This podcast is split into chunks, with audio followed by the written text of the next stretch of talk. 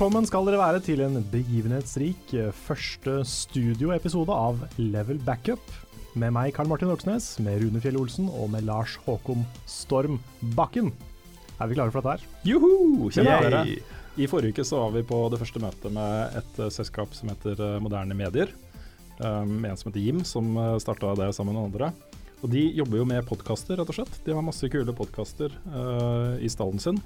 Og så jobber de litt som et sånn- slags sånn manage managementbyrå. Så de eh, går ut og prøver å lage liksom reklameavtaler på vegne av podkastene sine og sånne ting. Så plutselig en dag så sitter vi her og har annonser for et eller annet. Håper vi, da. Ja, jeg håper jo, jeg håper jo veldig på Knorr, kjenner jeg. Ja, ikke sant. Mm. Det er drømmesponsoren min. Fordi jeg syns jo oppriktig at alt fra Knorr er godt. Det er en bra pitch. Det er jo det. pitch, eh, Hvis dere hører på Knorr, så Ja. call me. Mm. Nei, det, det er jo noen Vi skal lage en liten liste over drømme, drømmesponsorer til sånne ting. Ja. Men, men det er også det at, eh, det å komme inn i en familie eh, med folk som driver med det samme. Fordi de jobber jo også bl.a. med live-podkaster og arrangementer og masse sånne ting. Så vi har litt tro på konseptet. Og så liker vi at de er Dette starta jo som en fotballpodkast, og så har det bare vokst seg til å bli et byrå, på en måte. Mm. Jeg, jeg liker tanken, jeg liker måten de jobber på, jeg liker uh, konseptet. Så vi føler oss litt sånn beslekta til uh, denne gjengen her, altså. Ja, Mm. veldig sånn bra gjeng. Mm. Det er jo en ulempe, da. Og det er jo, det fikk vi oppleve for noen minutter siden. Og det er at det er tidenes fæleste heis for å komme opp hit. Ah, Kan ikke du fortelle litt om opplevelsen, Lars? fy fader, altså. Hva er det for noe, liksom? Du kommer inn i en heis som er trekanta, for det første. Eh, så jeg, ble litt sånn derre OK, um, hva er det vi står i? Og på veien opp så knirker det og knaker, og Carl står altfor nære døra og de der sensorene, så jeg blir nervøs for det. Og så på toppen så kommer det en sånn smell rett før vi skal lande i gåseøynene, og jeg bare OK. Jeg har ikke så veldig heiskrekk egentlig, men gud bedre, sånne ting som det der, det takler jeg ikke, ass. Ja, for heisen har jo ikke egentlig noen ordentlig dør heller. Nei. Det er en dør inn til heisen, Yes. men heisen er jo åpen. Mm. Så du kan faktisk hoppe av i en etasje i fart, hvis du vil. Ja. Ja, jeg tror de dørene ikke åpner seg med mindre den er stoppa. Ja, Ja, det kan hende. Det kan ja, det får vi jaggu håpe, ass. Jesus. Men uh, I like the way you think. Ja, Mm. jeg tenker litt sånn actionfilm. Ja, ikke sant. Så ja, den heisen er skummel. Ja. Men er det. eh, også skal den helt opp i øverste etasje. Men også litt trening, da. Å gå de trappene er bra. Ja, det kan Mm. du begynne med. Mm. Jeg skal få love deg at hvis det er temperaturen er sånn som den er nå i dag, Ja. så skal jeg ikke gå opp seks etasjer før jeg skal sette meg inn i et, eh, et varmt podkaststudio. Det- Og Er så varmt. ja, det er det. Jeg, på, altså, jeg blir så sinna hvert år Mm. når alle avisene tar det som en selvfølge at sommervarmen er deilig. Mm. Jeg blir like sinna. Ja, det er, det er deilig i en time, og så begynner jeg allerede å klage. Ja. Jeg syns ikke det er deilig en time engang. Jeg. jeg bare åh, nå var det varmt, tenker jeg, og så er det, det er det. Er det. Nei, men Det er noen ting som er veldig behagelig, som f.eks. å gå ut med lite klær. Det syns jeg er ålreit. Å slippe å ta på seg jakke og masse greier. liksom Bare Mm. slenge på seg en T-skjorte og Ja. Mm. Jeg trives veldig i hettegenser, jeg. Så jeg er litt sånn Hettegenservær er perfekt vær for meg. Det er liksom ingen ende på hvor ille det er med sommer for deg. Nei, Nei. jeg er skikkelig sånn humbug på sommer, altså. Mm. Men til gjengjeld altså, så klager jeg aldri på vinteren. Nei, Det er sant, for det er det har du ikke lov sånn, til å gjøre da. nei. på en måte. Så det er mitt sånt uh, premieargument. At jeg Mm, klager ja. bare på sommeren. Jeg skulle ønske det var liksom 18 grader og delvis overskya hele året. Det hadde vært fint. Ja, men det er, jeg kan, kan se den. Mm. 18 grader er som passe. Det Ja, er det er akkurat passe. Ja. Du fryser ikke, og så svetter du ikke. Sant, sant. Nei. Skal vi snakke litt om uh, hva vi har spilt i det siste, kanskje? Ja. Mm. Mm. Level backup, spill og Mm. være-podkast. Vi må jo begynne med Overwatch. Ja, det må vi. For vi hadde jo en eh, stream på onsdag eh, hvor eh, du endelig fikk lurt med oss på det, Lars. Ja. Jeg vet ikke om jeg eh, var hjernen bak det, det der, men eh, vi kan si det sånn. Ja. Nei, det har gått i veldig mye Overwatch den siste tida. Det har vært ute nå i litt over en uke. Og um, dæven for et addictive game det er, altså. Mm. Så um, jeg skal Det er litt Ja. rart, fordi det, det føles som det har vært ute så mye lenger. Og det er pga. betaen og sånn. Ja, mm. Men for det er jo folk som har blitt dritgode i Overwatch allerede. Fordi Mm. de har spilt Ja, ja, betaen ja. så mye. Og de hadde, jo, eh, de hadde jo også turneringer med caster og allting i betaen. Så det er jo Du veit det kommer til å bli et bra spill, liksom. Og jeg tviler ikke på at Blizzard kommer til å følge opp dette spillet ganske bra. Men um, ja. Mm. Jeg vet ikke, det, skal vi ta noen issues om uh, anmeldelse og tjo og hei?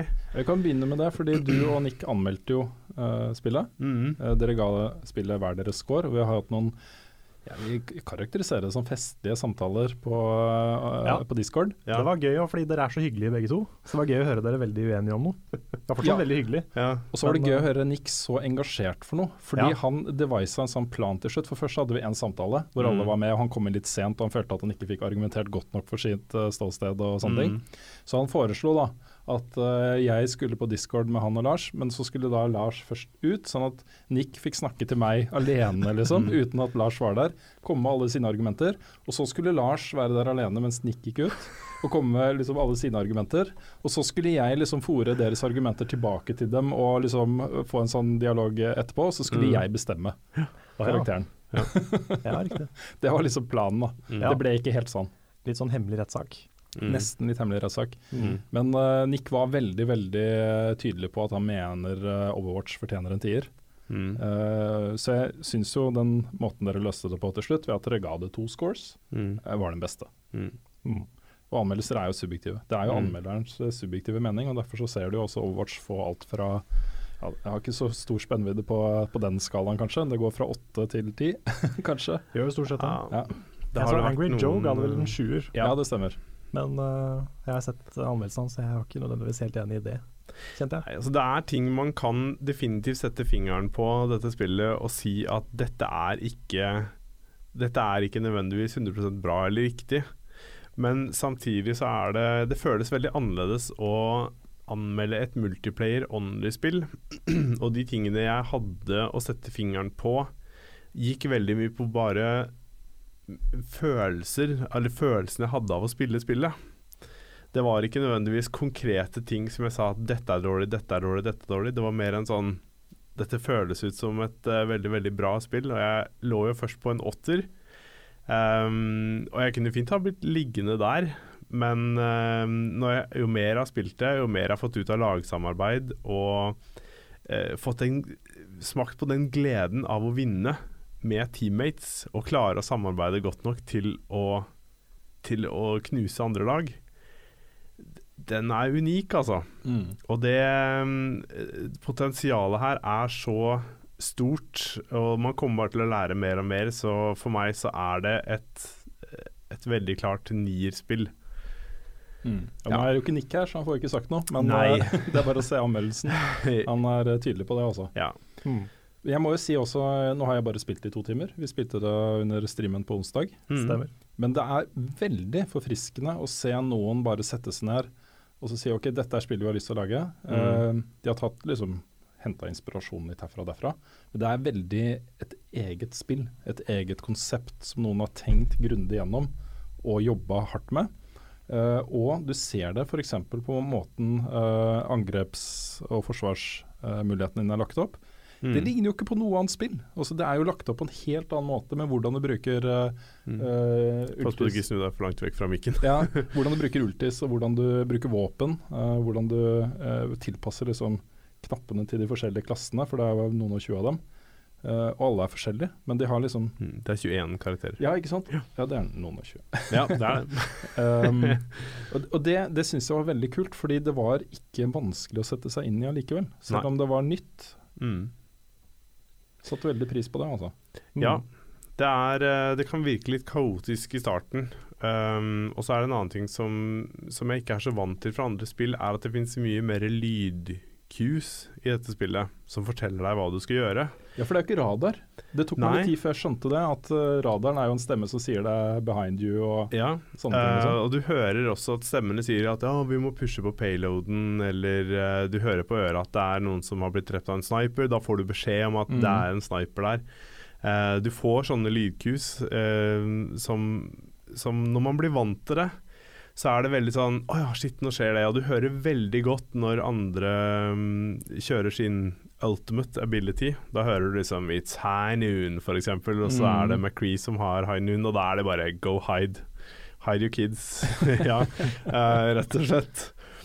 Um, så jeg syns det er veldig kult, fordi det er veldig mye visuelt som skjer fra før av. Så hvis vi skulle hatt så enda mer visuelle ting å eh, å passe på, så hadde det blitt litt kaotisk. Mm. Mm. For jeg i starten sleit veldig med å finne ut at jeg dør jo, og jeg skjønner ikke at jeg er i ferd med å dø. Mm. Men så innser jeg jo da at uh, karakteren puster veldig tungt når det, han begynner å bli skada, og så får du også en sånn liten visuell i ytterst på skjermen, men den er veldig svak og lett å overse. Mm.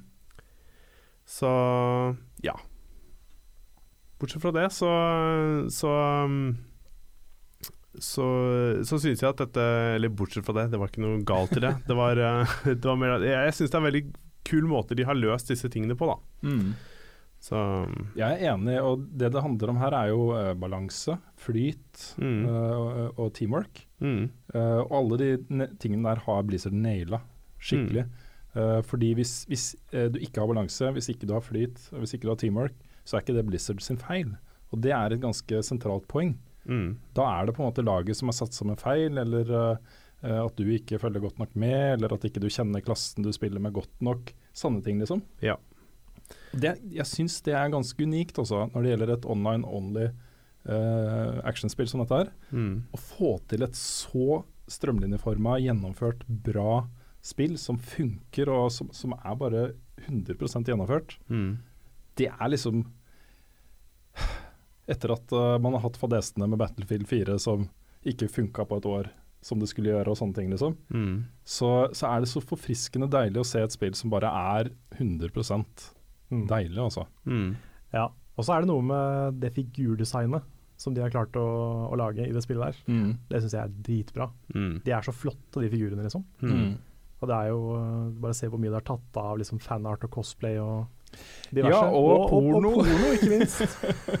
ikke minst. Ikke det, er liksom, det er jo tydelig at folk har på veldig mange forskjellige måter knytta seg til de figurene her. Mm, Og det er jo et tegn på at de har gjort noe riktig. mm, Ja, det er det karakterdesignet her er top notch, altså. Mm. Ja. Og så er det Jeg merka jo eh, den derre avhengighetsgraden som kan utvikle seg fra dette spillet her ganske fort. Fordi det er en del elementer her. Og det ene er jo at øh, alle de forskjellige figurene har jo øh, oppblåsbare kostymer og emotes og sånne ting. Det er ganske mange av dem. eh, og det er sånne ting Da som hørte jeg oppblåsbare. Ja, jeg mente Ja, oppblåsbare. ja, ja. mm, Um, og det er sånn Når du vinner en match, så får, kan du Når du går opp i rank, i level, så får du en sånn eh, mystery box. mm. Husker ikke hva lootbox. Ja, lootbox. Ja. Mm, Uh, hvor det kan være, ikke sant. mm, Og det er jo 21 karakterer, eh, og det er random hva du får i de boksene. Kanskje du har knytta deg spesielt til tre-fire av de forskjellige karakterene. mm. Så det er den der følelsen Å, jeg vil ha den siste emoten jeg mangler til, ikke sant. Ja. Det er en sånn derre åh. Du skal samle en god stund. Det er jo evig med leveler uh, i dette spillet her, Ja. uh, sies det. Så du kan jo levele så lenge du vil. Og det er vel også blitt sånn etter hvert at du trenger like mye XP for å komme til et nytt level hver gang. Det vil, okay. ikke, være, det vil ikke øke i nivå. I starten så er det vel litt kjappere å levele, men etter hvert så blir det en, et jevnt Mm. nivå. I hvert fall har det blitt så langt, da. Ja. Hva det blir når det kommer høyere, det vet jeg ikke, men, um, men ja. Men det, er, det bringer jo egentlig opp en ting som jeg har lyst til å legge til da, i forhold til anmeldelsen. Dette her med som vi, vi snakket ikke så veldig mye om det, men selve prisen på spillet er jo også en Det var ikke en kjempevesentlig faktum, men det har jo det har litt å si. Jeg syns ikke det er så relevant. Men eh, det er et premiumspill som er et multiplayer only til liksom 600 kroner. Eh, eller 400 kroner hvis du kjøper det på PC, da. Og det um, Når det da har mikrotransaksjoner som er retta til såpass random ting, eh, at du på en måte Hvis ikke du får det du vil ha, så må du fortsette å kjøpe eller spille, ikke sant? Ja, for du mikrotransaksjonene er uh, loot crates. Ja, lootboxer. Lootboxer. Og det er, det er bare kosmetisk, så du Mm. vil jo ikke få noen fordel av det. Du bare ser kul ut og føles kul, sikkert, uh, av det. Men uh, samtidig så tenker jeg at de kunne sikkert tatt en litt lavere pris. Um, men de har jo lovet også, vi sa kanskje ikke det for tydelig, jeg nevnte det i anmeldelsen at eh, det vil komme nye heroes og nye maps. Mener jeg i hvert fall at jeg sa. Og eh, de vil være gratis. Vil det samme gjelder også competitive uh, mode, som kommer ja, i juni. Ranked mode som kommer også, vil også være gratis og en del av spillet. Mm. Det skulle jo egentlig være der ved launch. De har Um, hatt behov for å utsette det fordi det trengtes um, finjustering. Det har ikke fungert sånn som de har ønsket. Og um, De vil jo gjerne at det skal være bra, da. Og det Mm. er jo det de har fått mest mulig feedback på også, at folk liker å konkurrere mot hverandre. Det er derfor folk kommer til sånne typer spill. De liker å bli ranka opp mot andre spillere og se liksom scoren sin, og her er jeg Mm. plassert. Så Altså Akkurat når det gjelder prisen på Overwatch, så skjønner jeg veldig godt eh, hvorfor de har gjort det. Jeg skjønner også at noen uh, syns det er litt rart, at de Mm. kanskje reagerer litt på det. mm. Men hvis de ikke hadde gjort det, så måtte de gått for en helt annen inntektsmodell, som hadde inkludert f.eks. mikrotransaksjoner i mye større grad, Ja. eh, og som hadde inkludert eh, betalt delelse. Ja. Um, hvis du tar et spill som League of Legends, som jo er gratis, og alt foregår via liksom Altså, inntektene kommer fra mikrotransaksjoner, Mm. så er det en annen type spill. Uh, det blir en annen type opplevelse av det. Mm. Og eh, jeg tenker at de lootboxene er såpass valgfrie. Det er, det er såpass altså Alt det kan låses opp ved å bare spille det, ikke sant. Mm. Uh, at, uh, at insentivet for å bruke penger på det ikke er like sterkt. Og det er et grep Blizzard har- gjort med vilje. Den skal ikke være, de skal ikke være for attraktive, Mm. men for folk med mye penger og uh, lav terskel for sånne ting, Mhm. så er det på en måte greit å bruke penger, og så lett, da. Mm. Det er vel de de kaller Wales, er det ikke det? Wales, Ja. Nei, altså Det er det er. Ja, kjempe. Nei, det er, eh, det er Jeg syns ikke det er voldsomt uh, vanskelig å forsvare den prisen de har satt. Eh, men vi poengterte det kanskje litt for lite i anmeldelsen, at det faktisk Det, det vil komme gratis innhold i framtiden. Uh, dette er et veldig mye dypere spill enn det det ser ut som på overflaten. Det er ja, det er ikke så mange moduser, det er ikke så mange maps, det er eh, noen karakterer å velge av og sånne ting, men det kommer til å bli mer av det. Og uansett så er det jo lagspillet som får dette her til å bli, bli kult. Og jeg Mm. gleder meg helt enormt til å begynne å kjøre ranked mode med kompiser og se hvor langt vi kan klare å komme, altså. Mm. Mm. Det er um, Det er lenge siden jeg har hatt en sånn iver for en, en competitive ting. Og jeg Mm. syns det er dødskult at det kommer inn som litt sånn litt casual. Kommer du opp i de høyere nivåene, så blir det nok uh, Altså, det blir nok tøft å møte andre motstandere. Men uh, altså de sterkeste lagene i Europa, liksom. Jeg tror ikke det blir noe easy match. Sannsynligvis ikke. Nei. Folk er flinke der. Mm. Det er jo egentlig en veldig lik lansering som det Splatoon hadde. Mm. Det også var jo litt sånn magert på innholdet i starten, men Mm. så tok det seg opp veldig fort. da. Det Mm. ble et Mm. veldig mye bedre spill på veldig kort tid, Mm. uten at du måtte betale noe mer. Ja, men det er liksom sånn Det er Jeg vet ikke om man, skal, man kan si at det er så magert innhold heller. For jeg synes ikke innholdet er så magert. Fordi det er så mye Hvor mange maps var det Jan? Uh, det er tolv maps. Uh, eh, ja, det er ikke så mange moduser og sånne ting, men allikevel så Hvis du har fokuset på, på det som spillet ønsker at det skal være, og, og samarbeide med laget ditt, finne et setup og klare å komme seg eh, Eller, eller å hva skal jeg si, komme seg tet, få liksom fordeler overfor det andre laget, så så er det veldig rewarding, og det er veldig mye dypt gameplay du kan finne der. Altså posisjoner du skal stå på mappet, Mm. sånne type ting, liksom. Ja, I starten, de første 20-30-40 timene, så, så vil jo mye av tida gå med rett og slett til å lære seg de klassene du spiller med. Eh, hvordan man bruker de forskjellige egenskapene og sånne ting. Og der er det jo veldig mye forskjellig. De har jo Mm. så forskjellige egenskaper, eh, disse eh, karakterene. Ja. Så bare i det ligger det jo masse glede. Det å Mm. mestre bare én klasse eh, vil jo ta en ganske lang tid. Yes.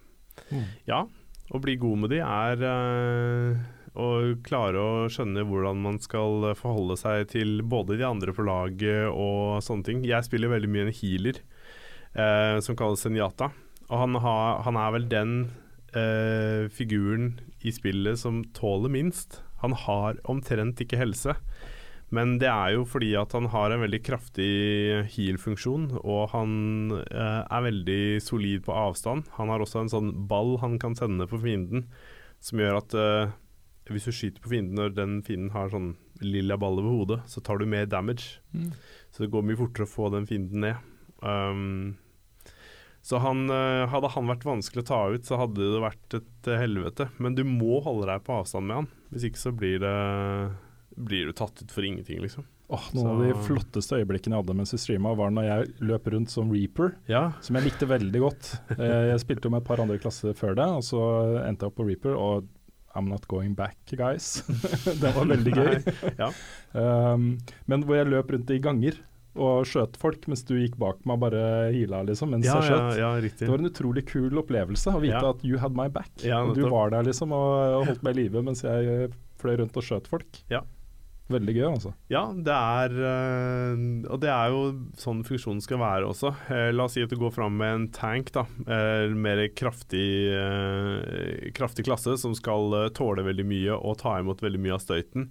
Så er det viktig at du har en healer på den tanken, sånn at han kan hele tiden holde seg Holde seg aktiv og gjøre at motstanderlaget rett og slett sliter med å klare å bryte gjennom oss. Um, og det, det å få den synergien der til å fungere, det er så rewarding i seg selv. Uh, og når vi vinner matcher, særlig på små marginer, så er, føles det så helt fantastisk. Mm. Det er vanskelig å slå den følelsen der. Ass. Den Ja. lagånden som kommer frem i sånne type ting, er helt nydelig. Ja, det er kjempegøy. Jeg er sånn fortsatt, jeg syns jo det er litt uvant, fordi du kan jo ikke hoppe så høyt. Uh, det er ikke noe egen sånn eh, aiming down the sights Nei. eh, på den. Du skyter bare. Mm. Uh, og det er uvant. Det er veldig uvant. Mm. Men, men jeg, jeg likte det, altså. Ja. Jeg syns det var kjempegøy. Ja. Og så var det jo sånn perfekt Hollywood-ending for min del. Jeg fikk uh, play of the match og greier. Ja, på play of the, siste play of the game, ja. ja. Mm. ja det, var, det var bra, det. Det var en sånn die-die, var det ikke det? Ja. Ja.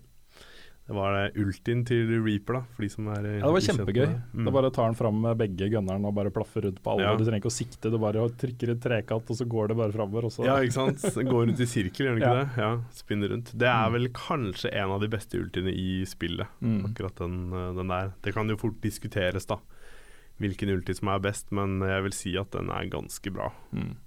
Og så er det så mange kule detaljer, også på Reaper. Han lader ikke våpnene sine, han bare kaster dem fra seg og tar fra to die. Det er så gøy! Det er så morsomt. Ja. Nei, det er, eh, det er et godt gjennomført spill. Um, og så har de også lansert noen ting som er utafor spillet. Så har de lansert små animerte kortfilmer. Mm. Og det gjør jo at du liksom Plutselig så får du innblikk i hva som skjer eller har skjedd på det mappet du spiller på. Og da er det sånn derre Altså det, det skaper en dybde og sjel til det spillet, som jeg sa også, eh, som er ganske unik. da Jeg har aldri Mm. sett noe sånt blitt gjort før. Det er sikkert noen andre spill som har gjort noe lignende, men jeg har aldri hatt den opplevelsen der før. Og det er blant annet at de finner ut i den ene eh, er det, det, er, det er ikke noe spoiler-greier på sånt her, ikke sant? Kjør på. Ja, jeg er nervøs for å ta spoilere for tida, for det er, uansett så er det jo gærent. Men det er rett og slett det at um, vi fant ut i den ene animerte kortfilmen at uh, Genji f.eks. er eh, broren til Hanso. Og det er sånne ting, det er to karakterer som er i spillet som vi liksom ikke visste noen ting om, og så plutselig får vi vite at ja, de har vært brødre. Og det grunnen til at de var krangla var han ene Jeg husker ikke om det var Genji eller han som hadde lyst til å bli Playboy, eller hva, et eller annet sånt. det er ganske morsom, eh, morsom backstory og law, da. Så jeg syns det er litt kult at de kommer med sånne type ting. Mm. Det, Mm. Jeg er veldig spent på fortsettelsen der. Om Mm. det nå liksom blir en eh, Overwatch 2, eller om du bare utvider universet, om du tar vare på level, om du starter på nytt. Ja. Hvordan de har tenkt å gjøre den biten. ja. Ja, det jeg vet ikke. Hvis ikke det blir som Heartstone, at det blir levende sånn det er. Om de utvider grafikken bedre, eller jeg aner ikke. Har ikke peiling. Ja. Blizzard pleier å ta seg god tid med oppfølgere, gjør det ikke det? Jo da, det gjør det. Jo. Jeg tenker nok kanskje også at dette bare kommer til å fortsette å leve. Men eh, Ja. på et eller annet tidspunkt så kommer de nok til å tenke at ok, hvis du har spilt Overwatch siden launch, så er det kanskje på tide å spytte inn litt mer penger. Og så lansere et eller annet da, som vil Ja. koste penger. Det kommer sikkert noen utvidelsespakker til det, Ja. vil jeg tro. Mm. Som legger til mer innhold på et eller annet vis som, som gjør at de kan ta seg betalt for det. da. Mm. Akkurat hva det blir, det vet jeg ikke. Men, og det er det er ikke lagt noen planer om det som jeg har hørt, så En siste ting før vi går videre, kan jo være Det er jo mange som den der evinnelige diskusjonen om PC kontra konsoll kommer jo opp her. Ja. Fordi eh, Ja, den er er veldig her òg. den er veldig her. Det er jo mange som mener at det er eh, den eneste riktige stedet å spille Overwatch er på PC. Mm. Og jeg er sånn i prinsippet ikke uenig i det. Det er et sånn type spill som jeg hadde foretrukket å spille på PC. Men Mm. du har et poeng der som, eh, som jeg Ja. har litt i bakhodet. Ja, det er jo det at øh, øh, Når du spiller på PC, så er du selvfølgelig mer nøyaktig og kjappere med, med å bruke mus og tastatur. Men så spiller du også mot en, en gjeng unge mennesker som er har reflekser på nivå med jagerpiloter og høyere, altså. Og det er, jeg mener det er liksom Jeg ville ha slitt med det personlig. Uh, og jeg har både sett det og prøvd det litt på PC når det var beta sjøl, og jeg, jeg sleit som fy Mm. med det. Um, så for min del så vil det være mer eh, naturlig å spille på konsoll. Der føler jeg meg mer komfortabel, jeg har kontrollen jeg trenger. Uh, og alle på en måte er, er også på litt mer i mitt nivå, da. Selv om det er noen der som er helt insane gode. Ja, men de bruker jo sikkert mus og tastatur.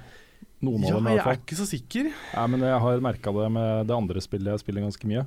Ja. Hvor eh, det kommer fram sånn gradvis etter hvert da, at Ja. mange av de aller beste i verden de bruker mus og tastatur. Ja. Eh, det er liksom dukka opp også i Norge.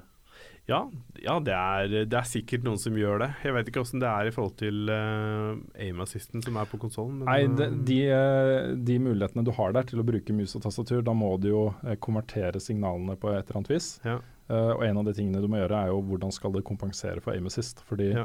uh, på konsoll så er det jo innebygd aim assist eh, på, i de aller, aller fleste skytterspill. mm. Um, og hvis du bruker mus og tastatur, så føles det ganske rart. Mm. Fordi du har ikke den presise kontrollen. Ja, for du blir sluggers, ikke sant? Ja, det Når blir du litt sluggers. kommer over Ja. eh, og sikter over folk. Mm. Ja. Ja, for det, jeg, man jeg tenker ikke over at det var aim assist. Jeg trodde ikke det var det, helt til jeg fant ut at for øvrig Treyarch har jo hjulpet uh, Blizzard med å lage aim assisten til oh, ja. spillet. Wow. Så det er litt kult. Og en annen ting som også er viktig, da, for det er mange som mener at dette spillet er jo laget for PC. Men Blizzard har jo selv sagt, han er Kaplan eller hva han heter for noe, han har jo sagt at de har laget dette spillet med fokus på konsoll hele veien. Mm. Eh, det har vært deres drøm fra dag én å få det ut på konsoll, men de starta jo betaen på PC. Mm.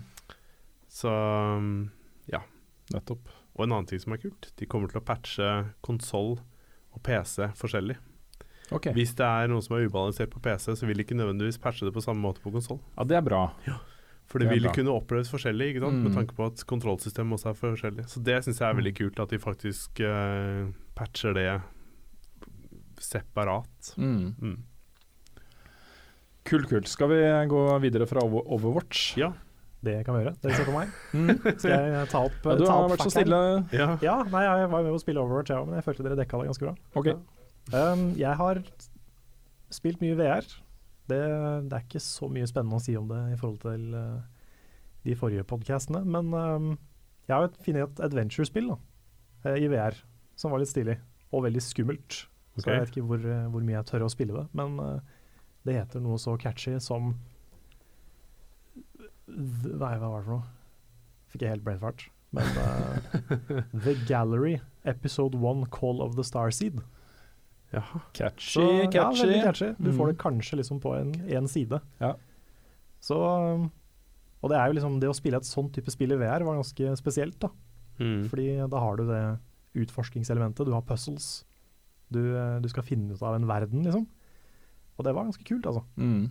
Og så var det det, var det det første spillet jeg har spilt hvor du faktisk har hender. Ikke bare to kontroller som svever i lufta, men du har liksom hender. Ja. Og det var, det var så liksom Det var veldig sånn innlevende. Uh, så mye at det ble, ble veldig fort veldig scary. Mm. Mm. Men uh, nei, det var, det var verdt å prøve. Altså. Jeg skal jo komme meg litt videre før jeg, før jeg viser det fram. I den serien som jeg har gående. Mm. Men uh, det kan, det kan bli et høydepunkt, altså. Kult. Hadde jeg testa så langt. Men har det føltes litt mer eh, ekte? At du faktisk har hender? Jeg har hørt at det har liksom vært en av de største greiene med at liksom folk Hvor er hendene mine i, i VR-verdenen, liksom? Ja. Nei, de kontrollene funker jo bra Ja. generelt. Men det at det faktisk var grafiske hender, da, Ja. det var litt stilig. Mm. Det er det ikke så mange spill som har ennå. Ja, Følte du at du hadde kontroll over de, liksom? At det var Ja, litt. Ja. Det er litt klønete det å drive og styre med inventory og, og sånne ting. Ja. Men uh, jeg føler de, de gjør noen sånne grep der som er uh, litt spennende. Ja, kult. Uh, men så har jeg også spilt Uncharted 4. Har du fått spilt Ikke, det, da? ikke ferdig, Nei, okay. Nei. men jeg har spilt uh, tror jeg halvveis. Ja, nettopp. Jeg har spilt meg opp til den delen man får se et glimt av i introen. Ja, nettopp. Så jeg tror det er ca. halvveis. Ja. Um, og jeg spilte jo uh, toeren og treeren, Mhm. vi snakka litt om i forrige podkast. Ja. Og jeg føler at de de få problemene som jeg hadde med Uncharted da, da de føler jeg fireren har løst veldig, veldig bra. Mm. Det er et mye mer Altså det er et mye tightere gameplay i det spillet. Jeg føler jeg har mye mer kontroll over hva jeg gjør, Mm. hva jeg kan gjøre, liksom. Mm. Og stealthen funker, for min del, for første gang. Mm. For jeg prøvde jo å spille stealth i Uncharted 2 og 3, det går Ja, jo det, ikke. går, det går ikke. Det er jo Nei. Du må, du må bare submitte, og så Ja ja, vi får drepe noen folk, da. Ja, og jeg ble så lei av det. Ja, når jeg var på den båten i Uncharted 3, så hadde jeg lyst til å bare skru av, for jeg var så lei av å skyte folk. Til og med når de sier nå, dette her må vi gjøre stealthy, Ja. får, får du ikke lov. Nei. Mm. Så det, det irriterte meg veldig, eh, spesielt i Uncharted 3. Mm. Men det jeg syns var morsomt i Uncharted 4, var at jeg har jo også den tilnærminga. Jeg vil jo gjerne spille stealthy, uh, og jeg gjorde jo det ganske ofte. Det var flere av de områdene. Det, det kommer noen seinere som er veldig morsomme å spille stealthy. Um, men combat-systemet er kjempebra. Så det å på en måte, ok, du får det ikke til, og du blir oppdaga og må begynne å skyte ting, så var plutselig det gøy også. Du kunne drive og liksom eh, ta den grappling-hooken og svinge deg fram og tilbake og kaste deg Mm. over folk og Ja, ja. chaine angrep og sånne ting. Og det var kjempegøy. Ja, Det er jeg helt enig i. Veldig. De hadde Begge, de, begge til- deler funka på en måte. Mm. Ja, nei, så syns jeg historien er veldig fin. Jeg synes starten var kjempebra. Det der hvor du får litt den der dagliglivsfølelsen Mm. i Uncharted 4. Den var kjempe, kjempebra. Jeg spiller jo sammen med kjæresten min, så det er derfor det går litt sakte. Vi, eh, altså ikke, ikke sånn, men Det er kjempebra! det, ikke, ta, ikke ta det sitatet ut av kontekst. Ja, det- men ok, det er fordi vi, vi må jo være sammen. det, vi må være sammen for å spille Ok, det. ja. Og vi, vi treffer hverandre mest i helgene. Det er derfor. Så please don't misunderstand. Altså jeg, jeg er den som suger i skytespill av oss to, bare for, å- for å ha det på papiret. Ja. Men, eh, men ja, det, Ja. det kommer seg. Ja. Jeg tenker jeg blir ferdig i løpet av helga, Wow. så det blir, blir bra. Men langt. vi har jo vært ekstatiske. Er du ekstatisk? Jeg er uh, mye mer ekstatisk enn jeg var over de tre første. Mm. Det er jeg.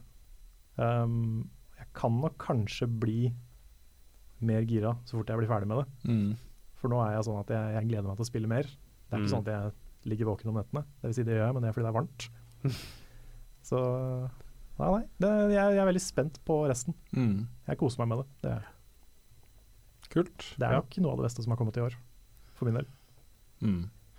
Det er litt, sånn litt tilbake til uh, diskusjonen vi hadde tidligere om uh, karakterer og Overwatch og, og sånne ting. Mm. Uh, en ting som har litt uh, dukka opp da, i de diskusjonene, det er jo burde vi ha en litt sånn strengere kontroll med hva som får en tier av oss. Um, og i den diskusjonen så ble det sånn Fortjener egentlig Uncharted 4 en tier? Jeg ga det jo en tier. Mm. Um, For frykten min er jo litt at det kan bli litt for mange tier i løpet av et år. Og nieren skal være kjempebra, liksom. Det skal være få spill som får det også. Den skal Mm. være dødsbra. Mm. Kanskje vi skal liksom reservere tieren til de aller mest revolusjonerende, eh, grensesprengende spillene. Mm. Jeg vet ikke. Nei, jeg er for så vidt veldig enig med deg i de tierne du har gitt. da. Nå har jeg ikke blitt ferdig med Uncharted ennå, men The Witness f.eks. Ja, den er, Mm. den er urokkelig. Ja, for den, der er jeg helt enig med deg. Mm. Um, ja. Ja, altså på Uncharted så kan jeg skjønne, uh, når vi diskuterte det også, at det, at det kan på en måte være vanskelig å sette Eller være sikker på den tieren.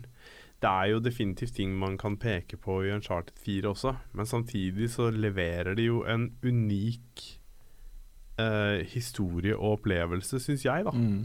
Eh, For den- meg er det en tier. ja, og den gjør det på en mye mer ekte måte enn andre spill, i spesielt samme sjanger, Mm. syns jeg. Ja, jeg syns også det. Og det var noen av de scenene som var i Uncharted 4. Altså, jeg har ikke sett bedre scener i noe Du har sett den ene av de, du eh, også. Så jeg Jeg har ikke sett noe bedre scene i noe spill, jeg, altså. Det var eh, jeg, jeg satt der og, og var oppriktig sånn Jeg bare oppslukt, og jeg lo, og, Mm. og var sånn Det var ekte glede over det som skjedde der, liksom. Jeg hadde også en sånn opplevelse da jeg spilte det. Mye sånne utbrudd og Mm. sånn mye som skjedde inni meg mens, mens jeg spilte og mens jeg så cutscenes og mens jeg hørte dialog. Og mye sånn ting som ble vekka i meg, på en måte. Mm. Ja. Eh, kan jeg spørre om en ting som er litt sånn Jeg prøver å spørre så spoilerfritt som mulig. Ja. uh, for jeg er jo ikke, jeg er ikke ferdig med spillet, men jeg er halvveis. Og jeg merker hele tida at jeg er litt skeptisk til broren hans. Mm. Er det meninga at jeg skal være? Ja, Liksom, så- ikke, ikke, for, ikke for Nei, å hvis- spoile det jeg som skal skjer, nå men skal liksom, Nå skal jeg si det, følte dere det? eh, det Han er jo en sånn klassisk fuck up-rollefigur. Mm. uh, som uh, det, er, det er interessant fordi jeg driver og ser en TV-serie som heter Bloodline. Eh, Bloodlines heter han vel. Som har på en måte den samme broren som kommer inn. Han har liksom blitt uh, støttet fra familien uh, Mm. og kommer på en måte inn igjen og ødelegger på en måte hele dynamikken og Ja. det rolige. Altså, han, han er et sånn uromoment som eh, Problemet følger han på en måte. Og han er en sann type rollefigur. Hvorvidt Mm. det betyr at du har grunn til å være skeptisk til han eller ikke, det, det skal jeg ikke si noe om.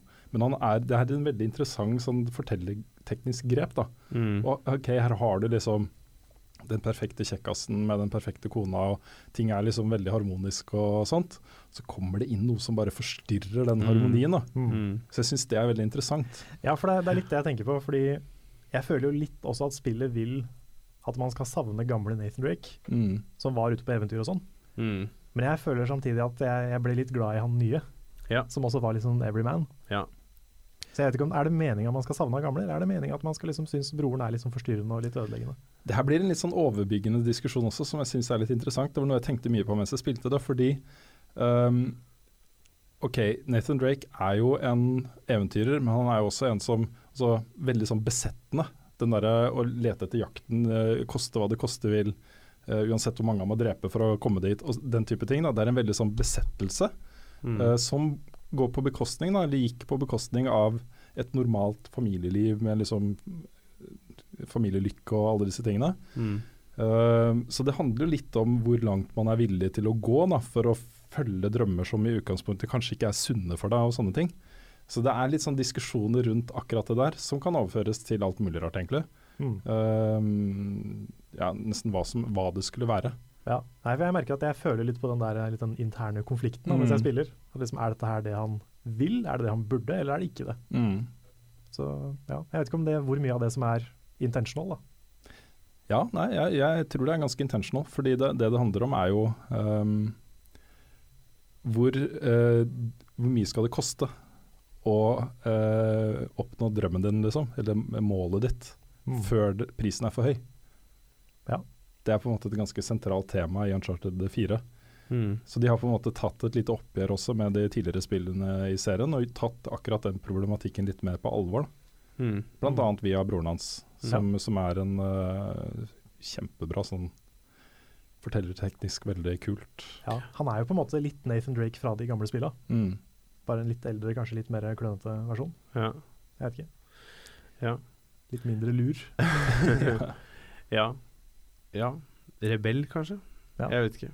Jeg, jeg satt i hvert fall og husker jeg satt Når han kom inn, så tenkte jeg sånn der Han, han så så Han ser så skummel ut. Ja, han, han ser ut som en litt sånn sketchy Ja. fyr. Mm. Ja, så jeg satt liksom bare hele tida og tenkte bare Hvis dette her viser seg at han på en eller annen måte nå gjør et eller annet Jeg satt og bekymra meg for det hele spillet. Ja, for det er der jeg er nå. Ja, for det, det var sånn jeg satt i starten, og jeg skal ikke si noe mer enn det, men det var det jeg satt og tenkte på, liksom Hva kommer han til å gjøre? Og kommer dette her til å liksom påvirke meg i negativ eller positiv grad? Mm. Så nei, de har vært flinke, altså, med Mm. måten de har tatt inn han på, syns jeg, da. Og så Han er jo på en måte Nathan Drake uten den der moralske stemmen i bakhodet som, eh, som Mm. forteller han at OK, dette er for langt. Nå Mm. går vi for langt. Nå dette kan vi ikke gjøre, liksom. Mm. Han har ikke den sperren. Nei. Nei. Så det er på en måte en konsekvens av at OK, hvis, hvis uh, Nathan Drake ikke hadde tatt de valgene han har uh, tatt, da, så og gjort, dem, bare gjort det fordi han har lyst, liksom, Mm. så, så hadde det blitt en annen type rollefigur. Mm. Eh, jeg kan ta et, et siste spill veldig kjapt. fordi jeg har nettopp begynt å spille Valkyria Chronicles remastered Mm. igjen. Og det er et bra spill, altså. Ja. Det, det kom jo ut på PlayStation 3 for veldig mange år siden. Og ble aldri noen sånn kjempehit, tror jeg. Men det var veldig bra, og det er fortsatt, fortsatt veldig, veldig bra. Um, så ja, har egentlig ikke så mye mer å si enn det, men jeg tenkte jeg skulle lage et innslag på det etter hvert. Mm. For det, det er jo et spill som jeg syns får til veldig bra det der strategiske kampsystemet, som er en turbasert førstepersons skytestrategi-greie, da. Som er veldig sånn unik. Og det er kjempegøy, Mm. altså. Mm. Så det, alle som har en PS4 og liker sånne spill, burde definitivt prøve det. Kult. Ja, kanskje gjør det. Jeg har spilt litt Pacman, Pac-Man, for jeg skal lage et klassikerinnslag eh, av det. Ja, stemmer. Det kom ut på PlayStation 4 ganske nylig. Altså Det har kommet ut 10 000 ganger i mange forskjellige versjoner og sånt. Men dette er en sånn uh, uh, En gjenskaping av det aller første, og bare det. Samtidig så kom også Miss Pac-Man og en del andre Pac-Man-spill som har kommet seinere. Mm. Men det, det er det aller, aller første Pac-Man. Så jeg skal lage et klassikerinnslag av det. Og så går jeg og venter på uh, Mirror's Edge. Det kommer jo neste uke. Ja, det gjør det. 9. juni. Shit. Håper jeg får det før lansering, altså. Ja, dæven. Ja, det, det gleder jeg meg til. Det er jeg spent på, altså. Ja, jeg er det. Ja, det skal jeg også spille, altså. Det er tid for nyheter, og på YouTube-kanalen vår denne uka her så har det vært en, en spennende ny eh, pilot. Det har det. Eh, endelig fått lagd eh, det ukentlige nyhetsmagasinet, som har fått navnet Level Update. Som har da et forslag fra en på Patron. Veldig kult at det kom så gode, mange gode Mm. forslag der. Så det var det vi endte opp med. Selv om jeg også likte The Level Clock News. Jeg syns det var en, Ja, en kult navn. Ja. Men Level Update heter magasinet. Det skal etter planen ha kommet hver eneste uke. Og dette nevner jeg også i Månedsmagasinet, som vi har eh, spilt inn tidligere i dag. Eh, men eh, det har tatt tid fordi jeg måtte være sikker på at det faktisk var mulig å lage det hver uke. Vi har vært på så mye møter og det har vært så mye organisering og sånne ting, så det har vært dumt. Og så starta det, og så plutselig så ble det to uker hvor de ikke hadde tid til å lage det. Ja. For det tar en hel dag Ja. å lage et sånt magasin. Jeg syns du Eh, er kjapp hvis du får det til på en dag. Altså. Ja, jeg, brukt, jeg, har, jeg har telt antall timer. Jeg har brukt mye på sånn preproduksjon. Altså tenkt mye og planlagt og lagd vignett og sånne ting. Men det å Mm. sette meg ned og faktisk produsere magasinet fra scratch tok ca. åtte timer. Så um, hvis, jeg, hvis jeg kan holde det et sted mellom seks og åtte timer, og bare bruke én dag i uka på det, så, så er det verdt å gjøre det. Mm. Så, men hvis det tar liksom to dager, tre dager, så får jeg ikke tid til å gjøre noe særlig annet. Så da blir det vanskelig. Mm. Så må vi holde det til et format som gjør at det er mulig å lage det kjapt. Så det er eh, planen. Men uh, problemet nå blir jo da uh, ok, nyheter i nyhetsmagasinet kontra nyheter i podkasten. Hvor mye Ja. Og så skal man snakke om de samme tingene begge steder. Mm. Uh, skulle vi valgt ut ett tema som vi diskuterte litt mer i detalj, og så spart resten til nyhetsmagasinet. Altså, det, det må gå seg litt til, da. Mm. Så, så jeg vet ikke. Men vi kan jo ta noen kjappe nyhetssaker her allikevel. Ja. Kanskje ting som jeg ikke nevnte i nyhetsmagasinet, som Ja. har kommet etterpå. Det kan være. Eh, ja, litt småsaker. Den ene er jo at uh, No Man's Sky er nå bekrefta utsatt til august. Mm. Uh, de trengte et par ekstra måneder på, på å få det ferdig. Og han som, er, eh, han som er sjef i Hello Games, han har jo fått drapstrusler selvfølgelig fra Det er så drøyt, det der. altså. Ja, det er helt meningsløst. Herregud. Også, altså, drapstrusler i seg sjøl er jo en tragedie, men liksom over to måneder. En utsettelse på to måneder. ja. Hva er det for noe? liksom? ja, er Hvem er de menneskene her? Det er sikkert folk som har planlagt hele sommeren. Da. Da skal de bare sitte inne og spille No Man's Sky. Ja. Skal de drepe Kanskje. han isteden? Kanskje det. Ja. Men uh, jeg er litt happy for at det ble august og ikke juli, for i juli så er jeg på ferie. Helt uh, langt vekk fra alt som heter spillmaskiner og sånne ting. Mm. Så uh, da blir det nok jeg som anmelder, da. Det er jeg glad for. Og så så jeg også at det jobbes med å få lagd en film basert på The Division, Mm. med Jake Gyllenhaal i hovedrollen. Ja. Ubisoft og film, altså. Ja, og mye- Ubisoft og Jake Gyllenhaal, han hadde jo også hovedrollen i Prince of Persia. Ja, stemmer det. Så det er klasseskuespiller, da. Er veldig glad i han. Ja, enig. Vi får se. Det er, det er ikke sikkert det blir noe av, men de jobber med det, jobber med saken. Prøver å finne liksom, et manus og sånne ting. Men uh, Ja, det høres ut som de bygger opp et sånt uh, Ubisoft Cinematic Universe her. Jeg vet ikke. Ja, men det er jo også Division er jo et univers som egner seg til eh, film. Og sånn, den type katastrofefilmer er jo en egen sjanger, liksom. Mm. Uh, det er fullt mulig å lage en dritbra historie basert på The Division. Mm. Så um, Ja, Kanskje kan fungere, fungere bedre enn selve spillet òg. Kanskje det. Kanskje Jeg. Det er gøy hvis de hadde en scene hvor det var veldig mange som sto i kø for å trykke på en knapp. Ja. ja. ja, de må legge inn litt sånne easter eggs. Det hadde vært morsomt. Warcraft-filmen hadde jo noe sånt, så da kan jo de også ha det. Hva er tilstanden til The Division akkurat nå? Um, det, Jeg har kom ikke spilt det på en, det kom en ny patch nå Ja, det nylig. så jeg. Det, for det lastes jo ned på maskinen min. Liksom. Ja. Det kommer jo inn. Uh, det jeg fikk med meg av det, var at det, det igjen så ble det problemer for noen med karakterene sine. Uh, utover det så er det jo Er det vel nye sånne incursions som har kommet. Um, men jeg syns fortsatt ikke det er noe det, det er ikke nok sjel i det spillet til at det blir interessant. Mm. Ja. Jeg kjenner det er ingenting som trekker meg til det. I det Nei, der. ikke meg heller. Det er litt rart. Det er liksom et uh, veldig bra gjennomført spill, og det er uh, Ja da. masse kult der, liksom. Mm. Det er bare jeg føler ikke den der dragningen mot det.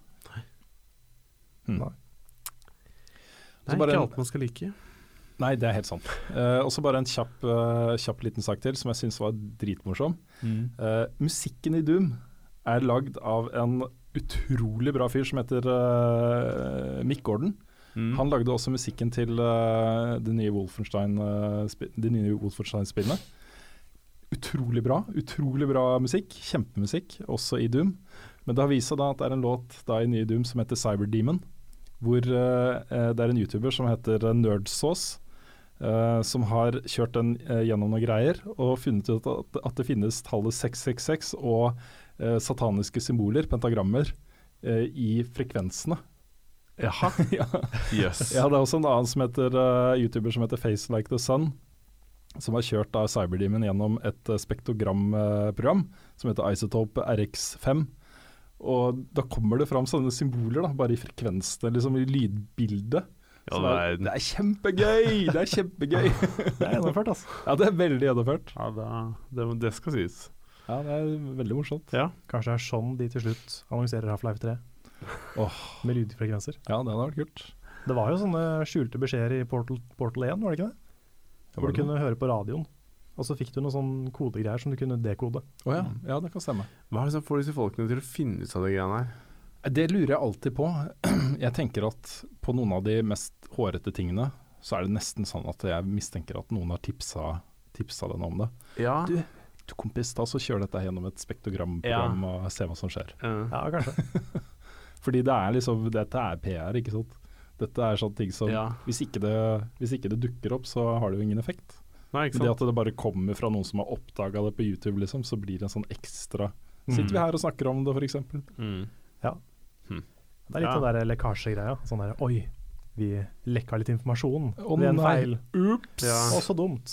Nå får alle vite det, og så begynner de å snakke om det. Ja. Det er ikke bra. Nei, det har, det har blitt en integrert greie av PR-maskineri også, det har det. Ja. Mm. Så, men uh, hvis det er kult, så er det jo lov å snakke om det, uansett. Å ja da.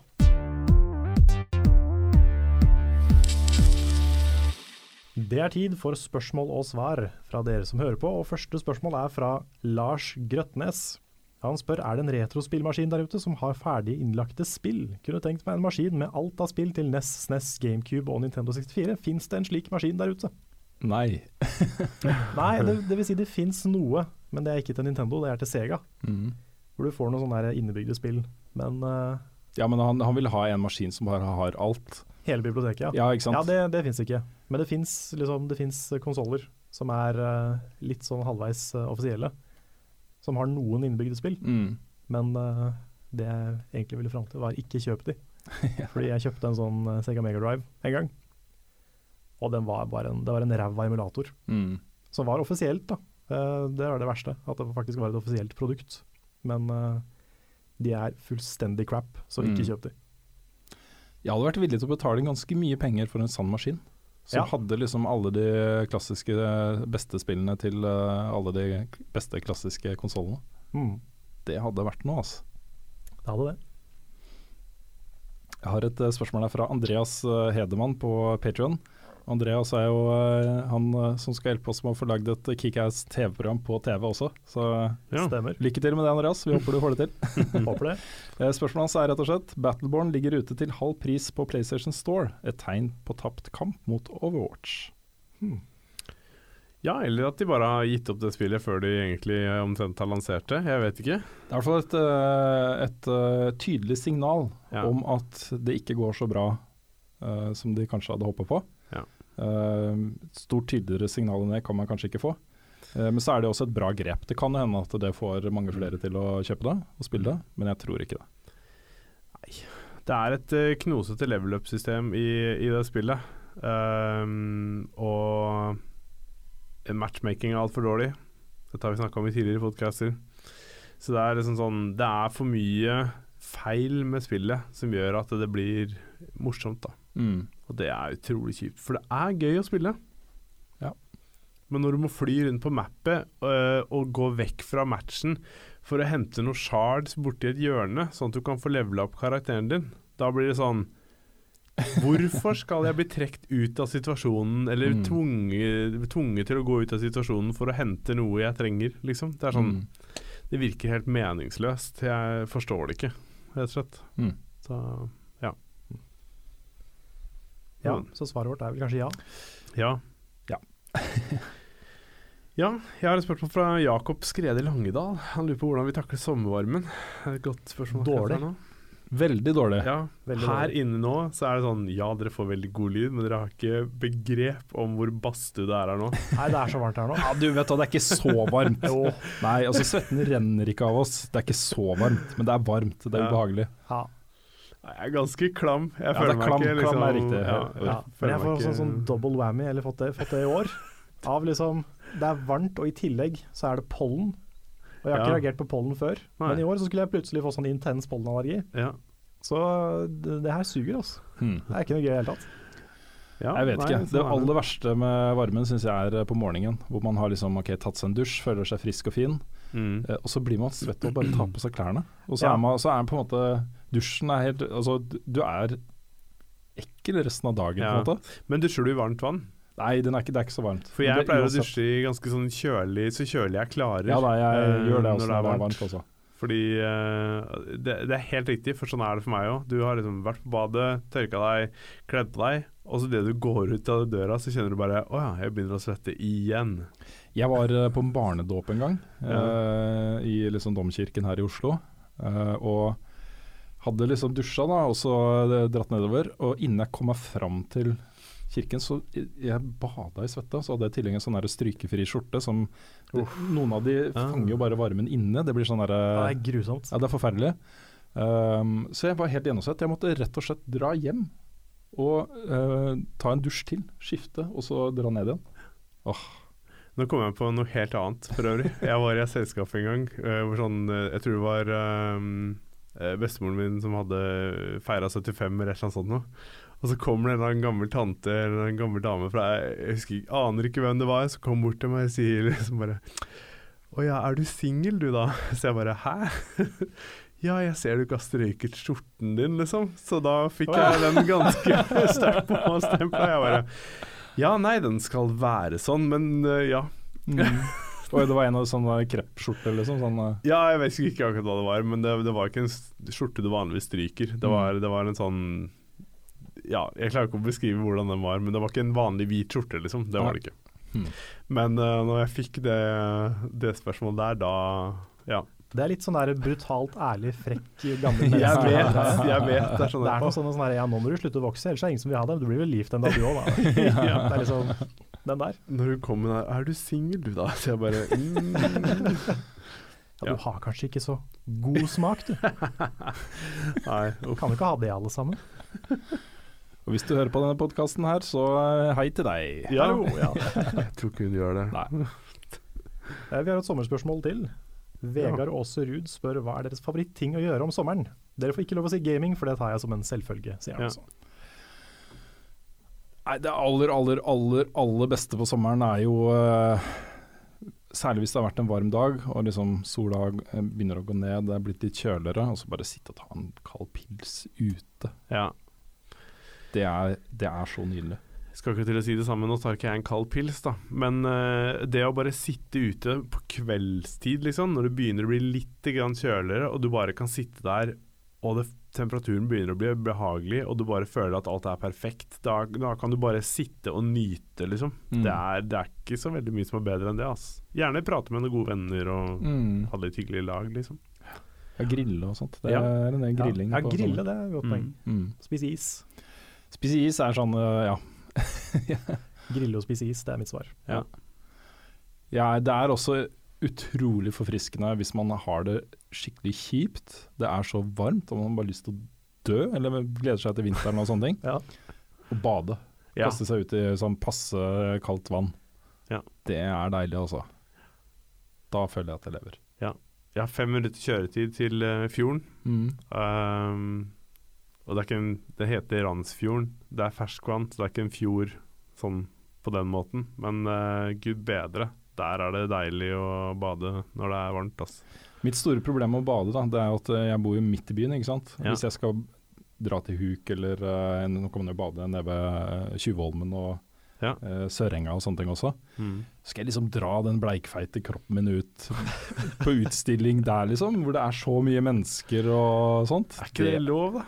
Ja, det er lov, men jeg syns ikke det er noe behagelig. Da blir Nei, jeg det er så self-conscious. Ja. Ja, men den har jeg òg. Jeg, hadde- jeg tok det enda lenger for noen år siden. Fordi det, det var i min eh, aller kleineste periode, når jeg var sånn 14-15. Så ble jeg jo fortsatt uh, tvinget med på sydenferie. Nå høres jeg veldig utakknemlig ut. Men jeg, jeg likte jo ikke sydenferie i det hele tatt. Fordi jeg aldri likte eh, varme og sånne ting. Um, I tillegg da, så hadde jeg en sånn der rar allergigreie på et eller annet. Som gjorde at når jeg bada, så så det ut som jeg fikk sånn førstegradsforbrenning på hele overkroppen. Yes. Og det klødde som et helvete. Og, eh, Saltvann du reagerte på da, kanskje? ja, et eller annet. Det var all type vann, da. Ja. Så det har jeg heldigvis vokst fra. Men eh, det var det i tillegg, så jeg bare liksom Jeg var så til de grader fuck my life på de turene der. Jeg tror det har liksom ødelagt sommeren for meg resten av, eh, resten av livet. Mm.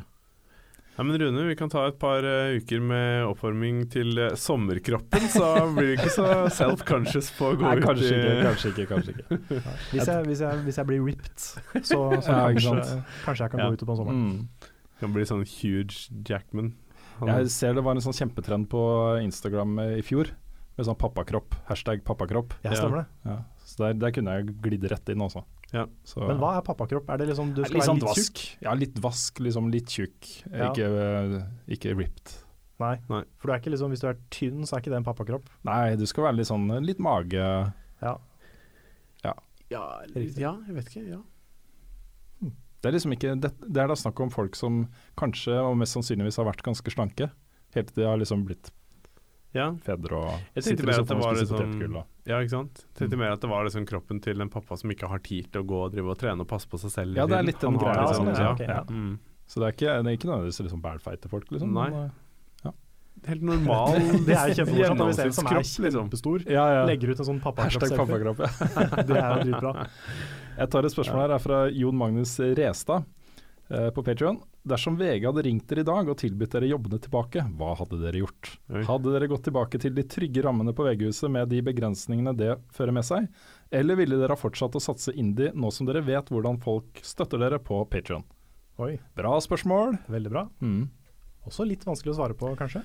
Ja, litt vanskelig å svare på, uh, fordi uh, jeg tror nå at hvis noen hadde kommet med sånn type tilbud til oss nå, om det var VG eller om det var uh, noen andre, så tror jeg nok kanskje um, jeg hadde takka nei til en sånn fast jobb, og at de overtar merkevaren og tar det Mm. inn i systemet igjen, liksom. Ja. Mm. Men jeg tror nok kanskje jeg hadde vært nærmere og vurdert å takke ja til et tilbud hvor de på en måte leier inn Buff Kitten AS til å levere ting til dem. At vi fakturerer dem for den jobben. Ja. Eh, for det som blir interessant nå, det er jo Vi vet jo at 2016 ser eh, gjennomførbart ut. Eh, deler av 2017 ser gjennomførbart ut. Men mest sannsynlig så ligger det liksom etter det en, eller i hvert fall muligens, så ligger det etter det en periode hvor vi må jobbe ganske aktivt for å tjene penger for å få hjulene til å gå rundt. Mm. Um, og hvis det kommer opp et sånt tilbud, så er jo det noe vi må vurdere seriøst. Uh, men jeg tror at på sikt så har vi det både morsommere og potensielt uh, bedre ved å være indie, liksom. Mm. Ja, jeg har blitt veldig glad i det å ha merkevaren vår uh, på en måte som gjør at vi styrer hvordan den blir fronta, f.eks. Mm. Det er en ting som har betydd mye for min del. Fordi hvis noen andre enn oss skal presentere vårt innhold, Mm. så blir det ofte feil. da. Det kan hende, da. Så det er en ting som jeg, har, eh, som jeg setter pris på, Mm. som er vanskelig å gi fra seg. Men rent sånn mediemessig også, så øhm, ligger det så stort potensial i den type satsing vi har. Fordi jeg tror veldig på det, du ser den trenden ganske tydelig over hele verden nå. Eh, gode nisjesatsinger som er smale, som ikke har liksom en stab på eh, 40 mennesker som sitter og jobber med tingene, liksom. Som er smale, dedikerte, hvor folk kan gjøre litt av alt og sånne ting. Ehm, når det da kommer inn sånne ting som Patron, eh, abonnementsløsninger, VIPS her i Norge kommer jo bedriftsløsning osv., så, videre, så er det plutselig potensielt butikk, da. Mm. Kanskje i større grad enn å, å være inne i et stort mediehus. Jeg vet ikke. Nei, tiden vil vise. Tiden vil vise. Men jeg kan i hvert fall si såpass. Hvis eh, jeg går altfor lenge med altfor lite penger, så må jeg begynne å søke jobber. Ja. Så Så vi må jo, vi må jo finne inntekt etter hvert, Ja. i eh, hva en eh, form det tar. Mm. Jeg kan gjerne være sånn referanseperson, hvis du trenger det. Takk for det. Ja. Takk for det. Um, Simon Finnøy lurer for øvrig på hvilken favoritthero vi har på Overwatch. Har, rakk dere å finne noen uh, Jeg kan ikke forestille meg at jeg kommer til å eh, like noen bedre enn Reaper. Nei. Nei, det var liksom Det var sånn når jeg så deg løpe rundt med reefer, og så tenkte jeg bare det er liksom Rune. Det er bare Rune. Det er jo, jeg er jo veldig glad i shotguns generelt, Ja. i skytespill. Det å være litt tett på. Mm. Jeg syns det er eh, ofte morsomst. Ja. Uh, og det er noe jeg har med meg fra Half-Life 1, faktisk. uh, Deathmatch. Hvor jeg ble superglad i den hagla de hadde der. Det var det jeg liksom spilte med hele tiden. Okay. Og det var kjempegøy, men også uh, Quake-spillene selvfølgelig, som, eh, som det var gøy. Ja. Så, så jeg likte det veldig godt. Men den uh, karakteren som jeg har vært mest interessert i i forkant, det er jo en McCree. Ja. Uh, gunslingeren. Mm. Syns han er veldig kul, altså. Han får seg en liten nerf i en patch nå. Han gjør det. Så han har en derre fan of uh, Jeg husker ikke hva det heter. Men han har en sånn hvor han skyter alle skuddene sine fort etter hverandre. Ja. Den er visst litt, litt for drøy, spesielt mot tanks. Så Ok. ja. Ja, jeg ble jo litt begeistra for hun eh, Er det Farah hun heter? Farah, ja. Ja, hun som har den der rocket-launcheren. Eller Pahara. Pa- Pahara. Ja. Ja. ja, Pahara er min. Uh, ja, det er din, ja. ja, jeg tror Ja. det er min. Det er en ganske vanskelig karakter å spille. Ja, jeg, jeg ble ikke noe god med henne. Jeg fikk én sånn bra killstreak på sånn sju Ja. en gang. Og da følte jeg meg veldig fornøyd. Men uh, Hun er veldig kul. Hun kan jo fly og Ja. holde seg oppe i lufta en, en stund, liksom. det er akkurat det. Hun kan fly og skyte nedover som et sånt bombefly. Ja. Det, det likte jeg veldig godt. Veldig kult. Så har du veldig kul ulti, da. Ja, Den er eh, awesome. og litt sånn area damage. Det er fint for de som er litt noob. Ja. Så, Sant, ja. For min del så er det mm, Jeg står egentlig mellom to, men jeg, jeg tror jeg må velge Senjata, som er en sånn healer. Han har så øh, han, han er slow som fy, men han har en viktig rolle. Og spiller man den bra, så Mm. favoritt. Jeg husker jeg likte veldig godt å være healer i, eh, i, i Volve. Det Mm. syns jeg var gøy.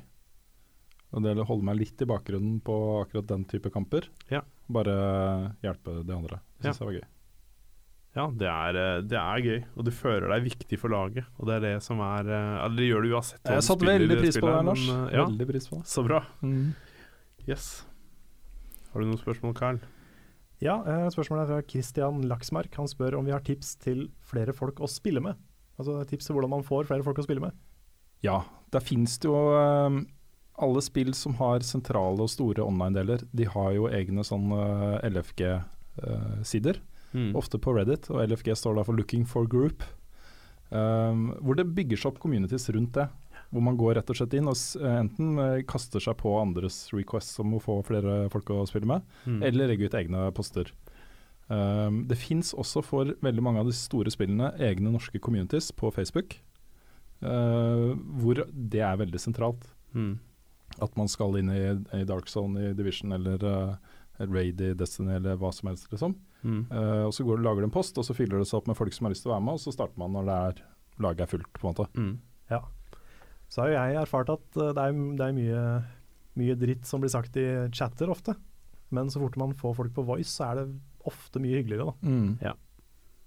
Så eh, hvis man er litt sånn engstelig for sånne ting, så kan det være verdt å prøve det for det. Ja, måten dette er fungerer på er jo stort sett sånn at ok, du, eh, hvis du ikke har noen å spille med et spill, uh, så går du ut da via Facebook eller LFG på Reddit eller et eller annet. Uh, finner noen, lager et lag. Da vil det Mm. alltid være en eller to der som du liker ekstra godt, og kanskje får en liksom god tone med. Mm. Så er det friend request, ikke sant? og så blir dere venner. Og så neste gang du ser de pålogga, så kan du spørre liksom om, om du har lyst til å være med på et eller annet. Så, Mm. så er man to, ikke sant. Mm. Og så får man en til, og så er man tre. Så bygger det seg opp. For det aller morsomste i den type spill er jo et fast lag som man spiller med jevnlig, ikke sant. Mm. Plutselig så har man et uh, 24-personers raid-lag. ja.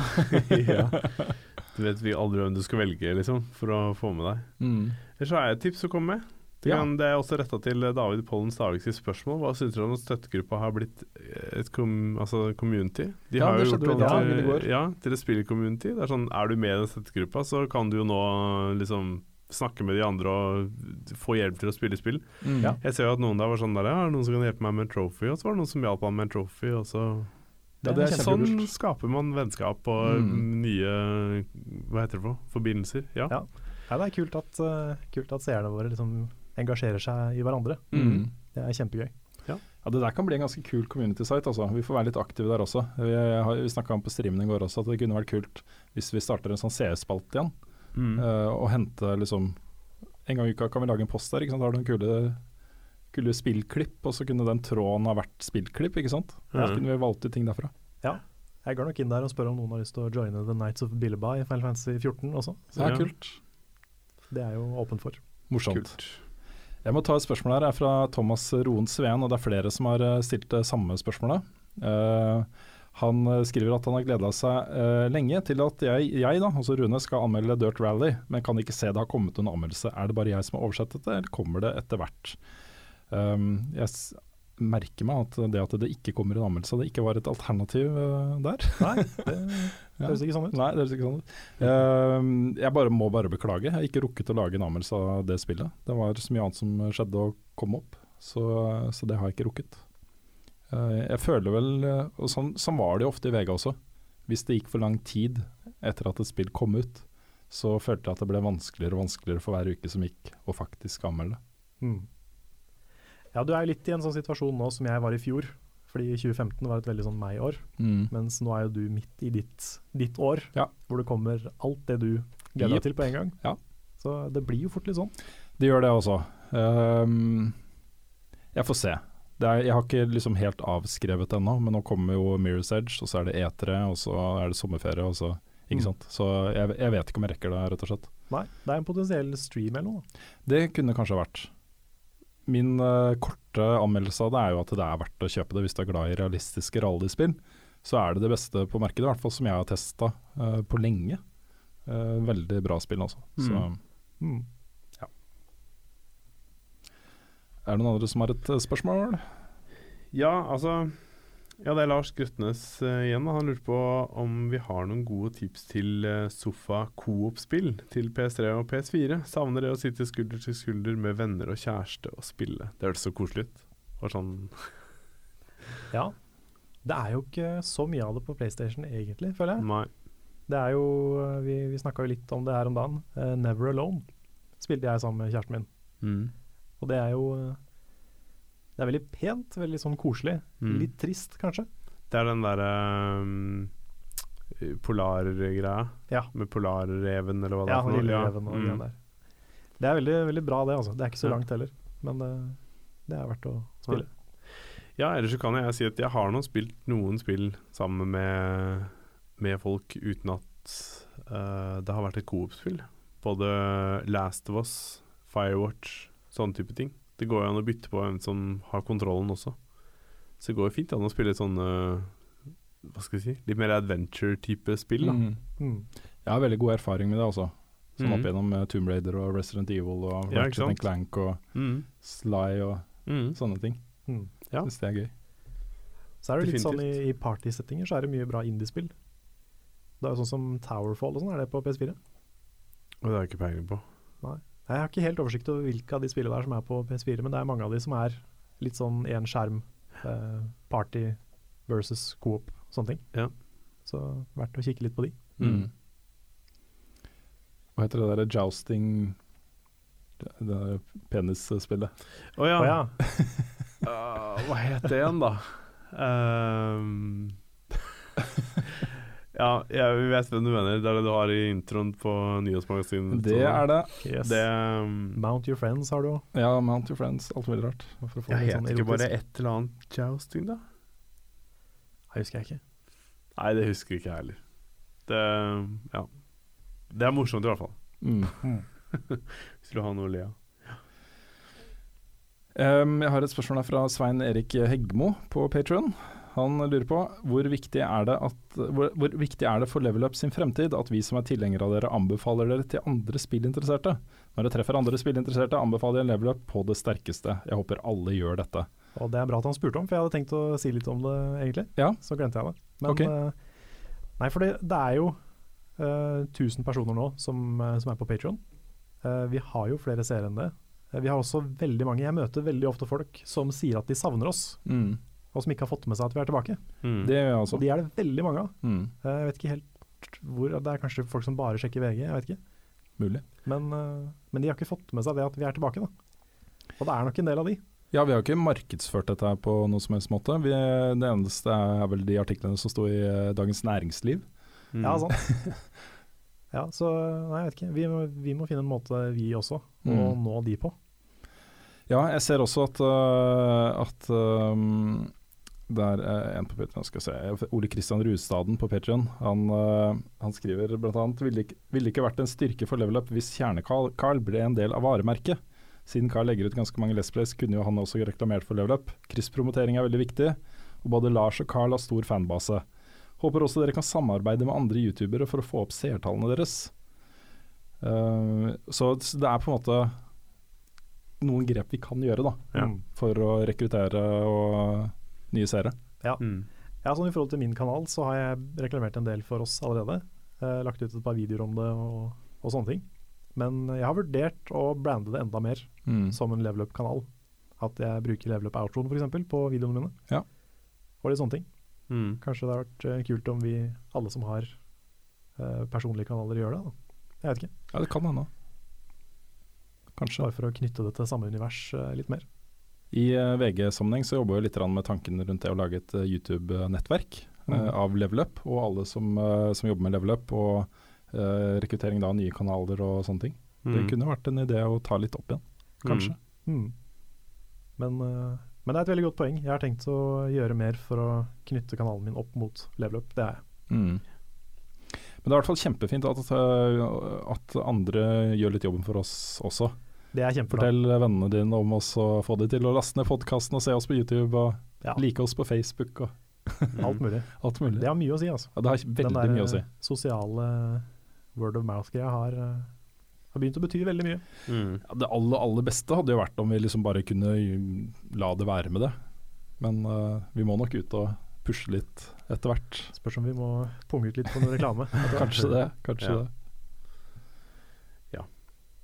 Har vi noen flere spørsmål? Ja, vi må ut av det studioet snart, men vi Ja. kan vel ta et par, eh, et par spørsmål til hvis du finner noe. Ja. Ja, jeg har et fra Tor Benjamin eh, Brekken, da. Som uh, husker fra VG, som lagde klassikere og sånn for oss. Um, han beklager pa farhan fordi han skriver på engelsk tastatur. ja. Uh, men kan dere fortelle meg et øyeblikk da dere lærte dere å alltid ha flere save-filer? Personlig var det da en bombe eksploderte noen sekunder etter at jeg hadde savet, og hver load førte til sikker død. Hei, Benjamin. Hello! Takk for sist. Takk for sist. Ja. Uh, jeg prøver å komme på noe nå. Jeg har jo helt sikkert uh, sånne, sånne øyeblikk. Jeg klarer liksom ikke å Altså, jeg hadde nylig um, Hva heter det spillet? Fallout 4? mm. Hadde jo en sånn greie der hvor jeg gikk inn en dør og ble drept, og så viste det seg at det var autosave. Ja, sikkert min egen feil, for dette har jeg fått sett for før, men, um, men da endte jeg opp i den loopen hele tida. Hver gang jeg åpna eller starta på nytt, så starta jeg der. Og ble drept. Mm. For meg så var det da fetteren min klarte å save over min 100 pluss timer Final Fantasy 10-save. Oh my god. Det var ikke kult. Er han fortsatt eh, fetteren din? Han er fortsatt fetteren min. Okay. Ja, jeg klarte å tilgi ham, men det, Han fikk høre det, eller? det var mer Det var mer trist, egentlig. Ja. Det var sånn Å ja. Nei, det går bra. Jeg kan ikke se for meg at du skal bli sinnere. Sånn. Det var mer sånn her at du blir Ja, at du blir lei deg. Ja, Ja. det var mer sånn knusende. Ja, Mm. mm. jeg kan skjønne det. Altså. Ja.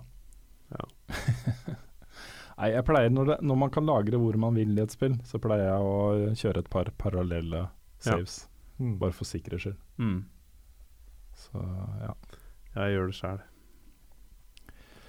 Greit. Et bra siste spørsmål her. Det er todelt. Uh, det er den siste delen som er et bra siste spørsmål. Mm. Uh, det er fra Karoline uh, Berstad på Patron.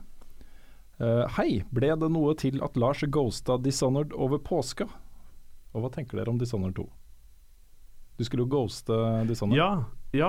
Å gud, nå ble jeg litt sånn Hæ, er det noe jeg har sagt? Eh, Nå ble jeg Hva skjedde med den eh, der 40-episoderserien du sa du skulle Ja, lage? Ja, ja, ja. stemmer det. Nei, jeg har jo spilt uh, omtrent hele Dishonored gjennom, men jeg endte opp med å spille det på vanlig måte. Men jeg har jo veldig lyst til å spille det på nytt igjen uh, med å ghoste det. Mm. Uh, men jeg har jo ikke gjennomført spillet originalspillet 100 ennå. Okay, gjør det først. Så jeg jeg vil gjerne gjøre det først. Jeg ble anbefalt til å, til å ikke gå for ghosting første gangen. Ja, det er mye bedre å gjøre det andre gangen. Ja. For du kan det, Ja. kan det litt bedre. Ja, Så da, da tenker jeg at jeg prøver heller det. Mm. Så um, får vi se da om det blir en 40 episoders greie. Hvem veit. Eh, andre delen av det spørsmålet, og ett til da, som eh, kommer etterpå. Eh, hva tenker dere om Dishonored 2? Ja. Det er jo et av de spillene jeg gleder meg aller aller mest til av alt som kommer. Ja. Mm. Jeg ble veldig overraska når jeg så det på E3 i fjor, Ja. for det, det så utrolig stille ut. Det Mm. lille vi fikk se. Jeg synes det er veldig kult at du kan spille som hun um, som jeg ikke husker navnet på nå. Vi, vi, er Vivi, holdt jeg på å si. Nei, Ja, kanskje ikke det, men uh, er det ikke noe lignende sånn? Er, er vi, Emily. Er, er Emily det er det? ja. Emily? Er det kanskje. Okay. Um, ja, det syns jeg i hvert fall er eh, kult. Jeg ser veldig frem til det spillet. Ja. ja, hun har voisa Chloé Mortez i første spillet. Å oh, ja. Mm. Ja. Hit Girl. ja, ok. Mm. Ja, det, det kommer til å bli konge. Jeg er helt sikker på det. Jeg gleder meg kjempemye til det spillet. Ja, det ser bra ut. Mm. Greit, Siste spørsmål her er food for thought for oss alle sammen. Okay. Og først og fremst deg, Carl. Oi. Har dere tenkt mer på en outro-greie til podkasten? Mange av de jeg hører på har en en eller annen frase for å avslutte. Lunsj bruker god tilstand. The Bugle bruker et spesielt eh, toneleie fra John Oliver på Bye, osv. Blir ofte litt usikker avslutning, så hadde det kanskje vært noe å tenke på. Ja, det var godt Ja, vi er så dårlige på å avslutte den veldig- Vi er dårlige på å avslutte alt. Mm. Ja, vi- vi lager. Vi har vært eh, bedre på det før, men jeg tror eh, sånn som det har blitt nå, så har vi alltid avslutta med at vi liksom Ja, gjerne støtte oss og sånne ting. Og jeg tror eh, nå, nå snakker jeg litt for dere, men sånn jeg, inntrykket jeg har fått, så er det litt sånn at det føles kanskje litt ut som ehm, at dere ikke er liksom 100% trygge på at det føles riktig ut. da At dere ikke vil pushe folk til noe, liksom. Ok, hør nå her. Eh, Folkens, vi er helt avhengig av støtte på Patrion. Det er veldig hyggelig uh, at eh, såpass mange gjør det. Ja. Du trenger ikke å backe oss med masse masse penger heller. Det holder med noen dollar i måneden. Det er småpenger for deg, men mye for oss. mm. Så bare gå inn på patrion.com slash levelupnorge og støtt oss med en slant eller to. Så eh, får vi fortsette å lage masse kult innhold. Ja, og så kan da. du komme på en sånn catchfrase. Ja, fordi i Saft og Svele så har de et visdomsord. Vi kan ikke gjøre det samme som de. Nei. Uh, men noe sånt, noe i den duren. Kanskje et sit- sitat. Du kan finne et sitat fra et spill som hver gang. Mm. Ja, ja det kan jeg gjøre. Da har jeg da, da har jeg et, faktisk. Ja, OK. Nå skal vi si alt det andre først, da. Si takk og ha det og sånn. Ja, takk og ha det. Takk og ha det, så kommer sitatet. Ja. OK? Yep. Ja. Er dere klare? Ja. I wanted to be the one to fill your dark soul with light.